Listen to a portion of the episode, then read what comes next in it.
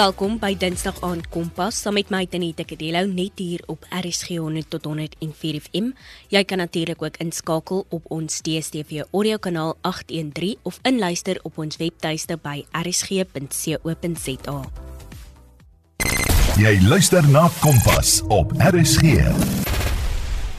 In verlede week se Kompas het ons met die maatskaplike werker Ricardo Resou gesels oor tieners selfmoord, depressie en angs.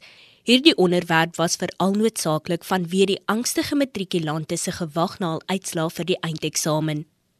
In vanaand se Dinsdag aand Kompas gesels ek met die sielkundige Christine Bosman Vosloo oor introspeksie en retrospeksie.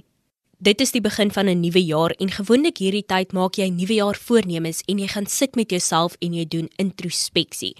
Nou die woord introspeksie, wat is dit En hoekom is dit so belangrik vir ons om introspeksie te beoefen of om dit toe te pas in ons lewens? So introspeksie kan ons mos nou maar sê is wanneer ons na ons eie interne gedagtes en gevoelens gaan op 'n informele manier, nê. Nee, ons gaan sit en ons gaan dink 'n bietjie en so voort. Ek het 'n kollega wat dit altyd baie oulik in Engels opsom. Hy sê altyd hy, "I'm nou 'n bietjie gaan roei want he has to pull himself towards himself. Jy weet, so, jy moet jouself weer nader trek tot jouself. Jy weet, ek weet nie hoe om dit nou, jy weet, beter te stel nie, maar um, dis nogal vir my 'n oulike manier. So as ek 'n metafoor hier mag inbring, kan ons dink sien maar aan 'n huis op 'n groot erf en um, daar's bome en daar's heining en daar's dalk diere, dis dalk 'n huis op 'n plot. Ehm um, so Ons kan inspeksie doen oor die huis. Jy weet ons kan buite staan en ons kan gaan kyk na die huis en sien wat is daar buite.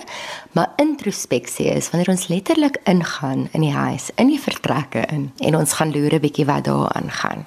En ek hou so baie van hierdie metafoor want as mens gaan kyk na die droomanalise, veral na die Jungiaanse droomanalise, dan um, is 'n droom van 'n huis is gewoonlik verteenwoordigend van die siel, jy weet? So as jy van 'n huis droom, is dit eintlik ook 'n bietjie eie siel wat jy ondersoek. Okay, so net vir my in my beroep hou ek van daai metafoor. So introspeksie kan 'n absolute kragtige instrument wees om jouself te leer ken. Maar dit is natuurlik 'n regte manier en 'n verkeerde manier. Mense hou mos van journaling om 'n joernaal te skryf oor jou wêreld, 'n dagboek te hou. En ek is altyd baie versigtig om dit voor te stel want jy moet regtig dit op die regte manier doen. Want as jy introspeksie verkeerd doen, dan kan jy vasgevang word in 'n in 'n maalkolk van negativiteit en nie aanbeweeg nie, nie voortbeweeg nie. Die intensie daar agter is mos net maar eintlik om jy weet pull yourself towards yourself, leer jouself weer 'n bietjie ken en om groei te bewerkstellig.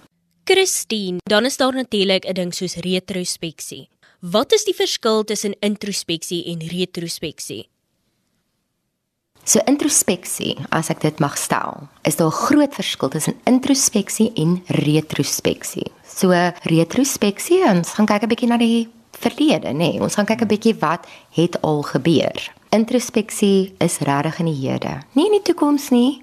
Ons gaan nou nie 'n introspeksie kan hê oor die toekoms nie. Dit is huidigelik, nou, hier en nou waar retrospeksie die verlede is. Nou baie kere met retrospeksie wat nie 'n slegte ding is nie, maar baie kere met retrospeksie kan dit rare gevoelens opbring by jou so skuld, glo, gemoedstoestande, dalk 'n gevoel van depressie of hartseer of aggressie en ongelukkig het dit dan 'n bietjie 'n belemmerende effek op jou. So ek sê nie retrospeksie is sleg nie. Ek dink net mens moet versigtig wees om die twee nie te verwar met mekaar nie. Huidig en verlede. Sjoe Christine, ek dink dit is goed dat jy dit nou uitgeklaar het vir ons.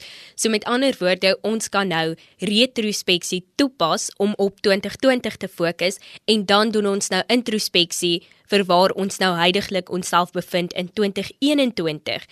Christine, ek sal ook graag by jou wil weet, Is daar algemene maniere van hoe jy introspeksie kan toepas op jou lewe? Ek weet jy het vroeër melding gemaak van 'n joernaalboek inskrywing of dagboek inskrywings, maar jy het ook gesê dat jy moet verseker dat jy dit reg moet doen. Die probleem met introspeksie is dit is nie kategories ondoeltreffend nie, maar ons doen dit nie altyd reg nie. Ek het dit nou net gesê. As ons die oorsake van ons gedagtes, gevoelens en gedrag ondersoek, wat ons gereeld doen deur onsself af te vra, Hoekom? Die hoekom vra. Is ons geneig om maklik na die mees waarskynlike antwoord te soek. So oor die algemeen, sodra ons een of ander antwoord gevind het, hou ons op kyk. So en dit is 'n amper 'n natuurlike instinktiewe reaksie van die brein. Dit is ook hoe ons onsself beskerm. So ek sê altyd en en ook die teorie daarby te sê, ons moet nie hoekom vra vra nie. Ons moet wat vra vra. So ek sal dit nou mooi verduidelik aan die hand van 'n voorbeeld. Soos ek gesê het, hoekom vra? Hoekom het dit met my gebeur? Hoekom het dit, jy weet wat ek al die vraag is wat jy vra, word jy in die verlede vasgevang? En skuld, ek dink altyd skuldgevoelens. Jy weet daar's 'n groot verskil tussen skuld en berou. En ek het 'n kollega wat altyd sê ons dra skuldgevoelens soos 'n mantel, maar dit het geen doel nie. Dis nie goed waar ons oor beheer het nie. As ons berou toon het ons reg beheer gehad oor iets en ons kan om vergifnis vra. Is so benewens om ons te help om insig te kry. Vra ons wat in plaas van hoekom sodat ons ons emosies beter kan verstaan en bestuur op die einde van die dag. So laat ons byvoorbeeld 'n voorbeeld sê. So jy kom by die huis aan en jy is in 'n vreeslike baai. As jy die hoekom vra, vra sy hoekom voel ek so, dan gaan jy baie maklik by onbehulpsame antwoorde kom soos ag, dis omdat dit maandag is. Dit is maar net maandag en ek haat maandag. Of jy gaan tot 'n baie dun beskrywing van jouself kom en sê ag ek is maar net so 'n negatiewe persoon ek is 'n ou pessimis, jy weet. So klein bietjie daar selfkastaien byvoorbeeld. Mm. Maar as ons die wat vraag vra. So jy kom nou by hierdie slegte by by die huis en jy sê wat voel ek nou? Gaan jy dalk besef, weet jy wat? Ek voel oorweldig. Ek voel honger en ek voel effens alleen. En dan dan kan ons onsself wapen met aksies. So jy kan sê, ek voel honger, so ek gaan vir my gaan kos maak voel alleen, so kom ek bel my vriende of ek jy maak kontak of ek voel moeg, ons ons gaan 'n bietjie vroeër bed toe. Jy weet, so dan kan mens regtig klein bietjie na die emosie gaan kyk en met die effek dat ons 'n beter verstaan van onsself begin ontwikkel. Jy luister nog steeds na Kompas op RSG 100 tot 104 FM saam met my Tenita Katillo en ons gesels vanaand oor introspeksie en retrospeksie. Dit is soos jy sê Christine en ons as jong mense vra veral baie vrae want jy skarrel mos maar nog rond tussen groot mens wees en kind wees. Maar ek dink jy het ook 'n belangrike punt aangeraak. Dit te sê dat jy eerder wat moet vra in plaas van hoekom. Die moment wanneer jy wat vra in plaas van hoekom, kom jy meer agter dink ek wat jy nodig het. Dit is presies reg. En baie keer as ons die hoekom vraag vra, aktiveer ons die gedeelte in ons brein, die amygdala. Die amygdala is ons reptiele brein, oudste brein blykbaar wat daar is in die mense bestaan en wat diere ook dan nou dikwels sê en dit is ons survival brein of of ons oorlewingsbrein. En dit is een van drie reaksies: veg, vlug of vries. Want as ons die hoekom vraag gaan vra, gaan ons dalk 'n bietjie onsself wil beskerm en dit dit sukses amper 'n instinktiewe ding om dan by din antwoorde en din beskrywings oor onsself uit te kom en nie ons uniekheid en holistiese menswees en emosies in ag te neem nie. Christine, ons menswees bestaan natuurlik uit verskillende kompartemente wat insluit jou persoonlike hoedanigheid, jou werksplek en dan ook jou sosiale lewe. Na watter persoonlike aspekte sal jy sê moet ons veral kyk wanneer ons introspeksie toepas? Ons is deesdae regtig 24 uur ingeplug. Ons is nie sonder 'n selfoon nie, ons is nie sonder 'n rekenaar nie. Jy weet ek mense kry deesdae self skeidingsangs as hulle fone nie langs hulle lê nie, jy weet. Ehm um, jy skakel nie af nie, jy's altyd ingeskakel. Jy weet en ons weet julle luisteraars is nou ingeskakel hier, maar ek hoop julle ontspan. Ehm um, Maar wat het geword van daai nuuskierige filosowe daar buite? Wat het geword van daai eksistensiële vrae? Jy weet ek dink aan Aristoteles wat met sy mense langs hom gesit het in die natuur onder 'n boom en baie rustig gaan dink het oor wat is die doel? Wat is die wat, nee, die wat vrae. So as ons gaan kyk na al hierdie aspekte van ons lewens. Sjoe, dis 'n baie rolle wat ons vervul nê. En ehm um, mense kan amper dink dat afskakeling moontlik is. En so afskakeling, nou dink ons ja, okay, weet jy wat, ek gaan 'n bietjie afskakel. So kom ek gaan lê bietjie voor die televisie. Nee, jy doen nie. Jy skakel nie af nie want dit is nie afskakeling nie. Dis nie introspeksie nie. Dit is nie bewustheidwording of die Engelse vertaling van die mindfulness, um, wat die positiewe sielkunde so baie van praat nie. So, ek dink dit antwoord jou vraag as ek sê dat ons gaan moet tyd maak daarvoor. As ons gaan tyd maak daarvoor, gaan ons 'n rustigheid kan hê in al hierdie ander aspekte, want ons gaan 'n goeie navigasie kan hê. Ons gaan weet waar vandaan ons kom. Ons gaan definitief ons angs en stres beter bestuur en ons gaan langer lewens lei. Ehm um, dis regtig waar dat angs en spanning en om die hele tyd ingeskakel of ingeplug te wees mense korter laat lewe. In vanaand se kompas gesels ons oor introspeksie en retrospeksie saam met die sielkundige Christine Bosman Vosloo. Vir die breek het Christine introspeksie gedefinieer en verduidelik hoe ons dit beoefen. Christine het ook 'n paar algemene maniere gegee van hoe ons introspeksie toepas en hoe dit bydra tot die verskillende kompartemente van ons lewe. Ons gesels nou verder oor introspeksie as 'n ontnigteringsproses. Christine, dan wil ek gesels oor introspeksie as 'n ontnigteringproses, want jy besef of jy leer so baie van jouself terwyl jy introspeksie doen en jy kom agter dat jy baie keer nie so goed opgetree het nie. Hoe belangrik is dit om eerlik te wees met jouself tydens hierdie proses van introspeksie? Ek wil dit baie graag aansluit by identiteit. Wanneer jy jou identiteit het, jou navigasiesisteem, is jy nie bang vir emosies noodwendig nie. Jy hoef nie altyd gelukkig te wees nie. Jy besef ook dat hartseer soms deel is van ons lewens en dat dit deel is van die bestaan. Jy is nie skie vir dit nie. Um en ek dink ook om soos wat jy sê dat mens regtig jouself amper leeg maak om vol te raak. Dit is dit klink nou vreemd, nê, nee, maar dit is regtig om jou kop amper skoon te kry en weer rustig te raak en in kontak te kom. Letterlik met jou wêreld rondom jou op hierdie oomblik en nie ergens anders te wees in jou kop en in jou lyf nie, maar regtig hier te wees. Maak dat ons minder vrese het. Ons kan regtig hierdie wêreld van ons bestaan beter navigeer. Christine, hierdie proses wat ons deurgaan, gee natuurlik vir ons die geleentheid om opnuut kennis te maak met onsself.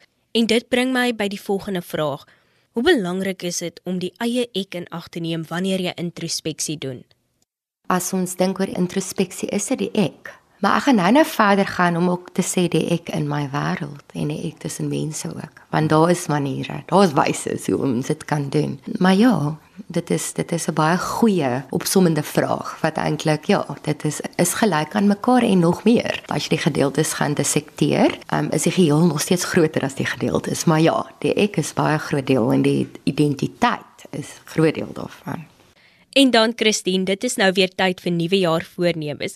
Dink jy dat ons net moet fokus op groot gebeurtenisse in ons lewe om introspeksie te doen of selfs net aan die begin van die jaar of dink jy dis 'n ding wat ons reg deur die jaar moet doen?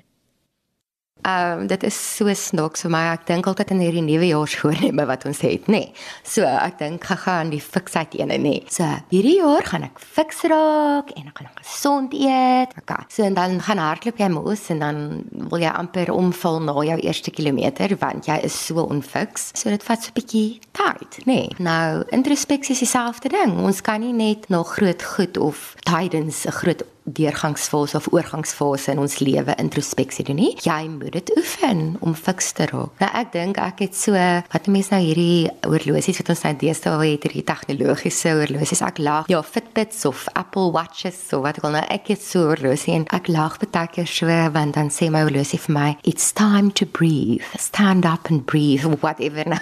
en dan dink ek, "Ag, jene, hoe snaaks is dit dat tegnologie my nou moet herinner om 'n klein bietjie introspeksie te doen of net 'n bietjie awesome herhaling te doen. Maar wat ek wou kan sê, dit hoef nie altyd gekompliseer te wees nie. Jy hoef nie altyd die eureka oomblikke te ervaar nie. Daar gaan nie altyd wolke oopgaan en 'n koor begin sing nie. Ehm um, daar gaan nie altyd net vreugde wees as jy by die antwoorde uitkom nie. Dit is baie keer net gewone gevoel van vrede en teenwoordigheid.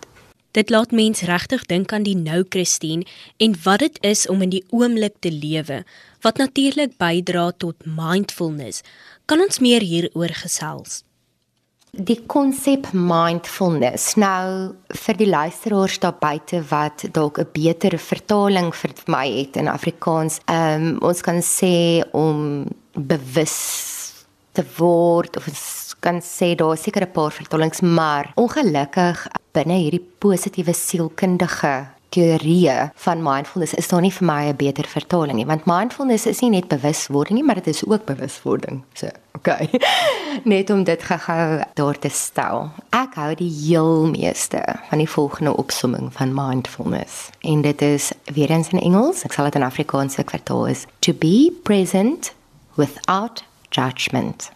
Hm om teenwoordig te wees sonder vooroordeling En onmiddellik dink ek aan my eie kalvinistiese agtergrond en en my menswees is dat ons altyd sê jy moet jou naaste lief hê soos jou self. Nie liewer nie, nie minder lief nie, maar gelyk lief. Interesting, nê? Nee. So om teenwoordig te wees sonder oordeel of vooroordeling. En wat ongelooflik is, is die effek wat hierdie tipe mindfulness en hierdie positiewe sielkundige beweging het op die sielkunde in die algemeen en die goeie resultate wat daar gekry kan word. En julle as luisteraars kan dit regtig toepas in julle eie wêreld. So as mens gaan dink aan emosionele disregulasie waarvan ons al gepraat het, jy weet jy wat jy wanneer jy jy weet heeltemal jy verloor jou sleutels hier aan die einde van die jaar en in plaas daarvan net om gefrustreerd te wees soos 'n gewone mens omdat jy dit moet soek, gooi jy amper al jou speelgoed uit die kot uit.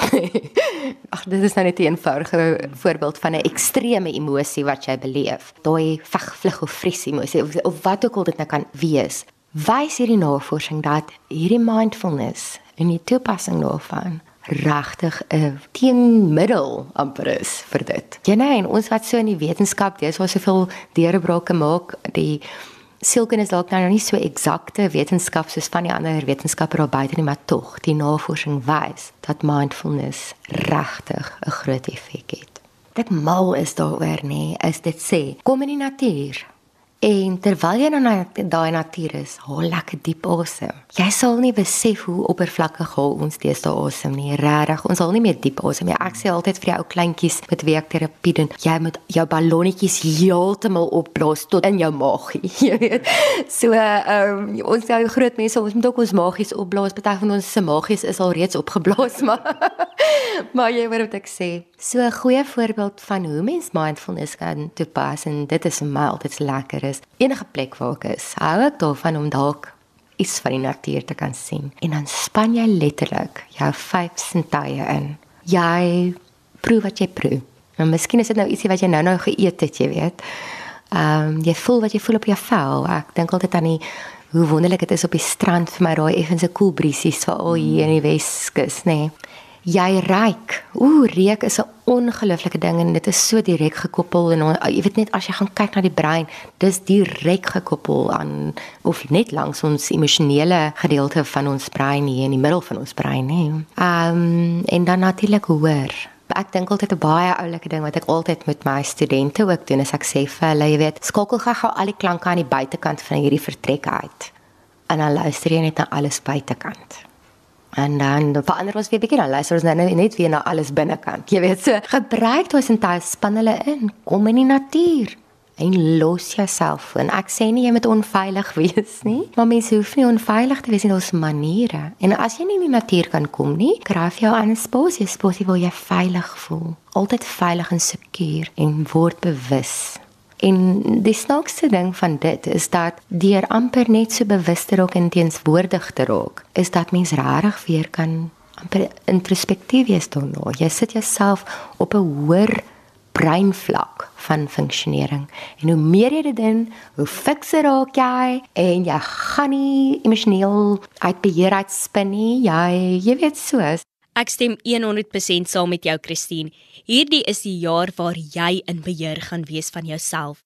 Dit bring dan Christine Bosman Vosloo die sielkundige se kuier tot 'n einde. Baie dankie Christine dat jy saam gekuier het en sommer ook die verskil tussen introspeksie en retrospeksie bekend gemaak het. Baie dankie aan ons luisteraars dat julle ingeskakel het. Onthou indien jy enige navrae of terugvoer het van vanaand se program, kan jy SMS stuur na 45889 teen R1.50 per SMS of 'n e-pos na kedeloutz@sabc.co.za. Kompas word natuurlik aan jou gebring in samewerking met SABC Opvoedkunde en ek moet groet tot môre aand.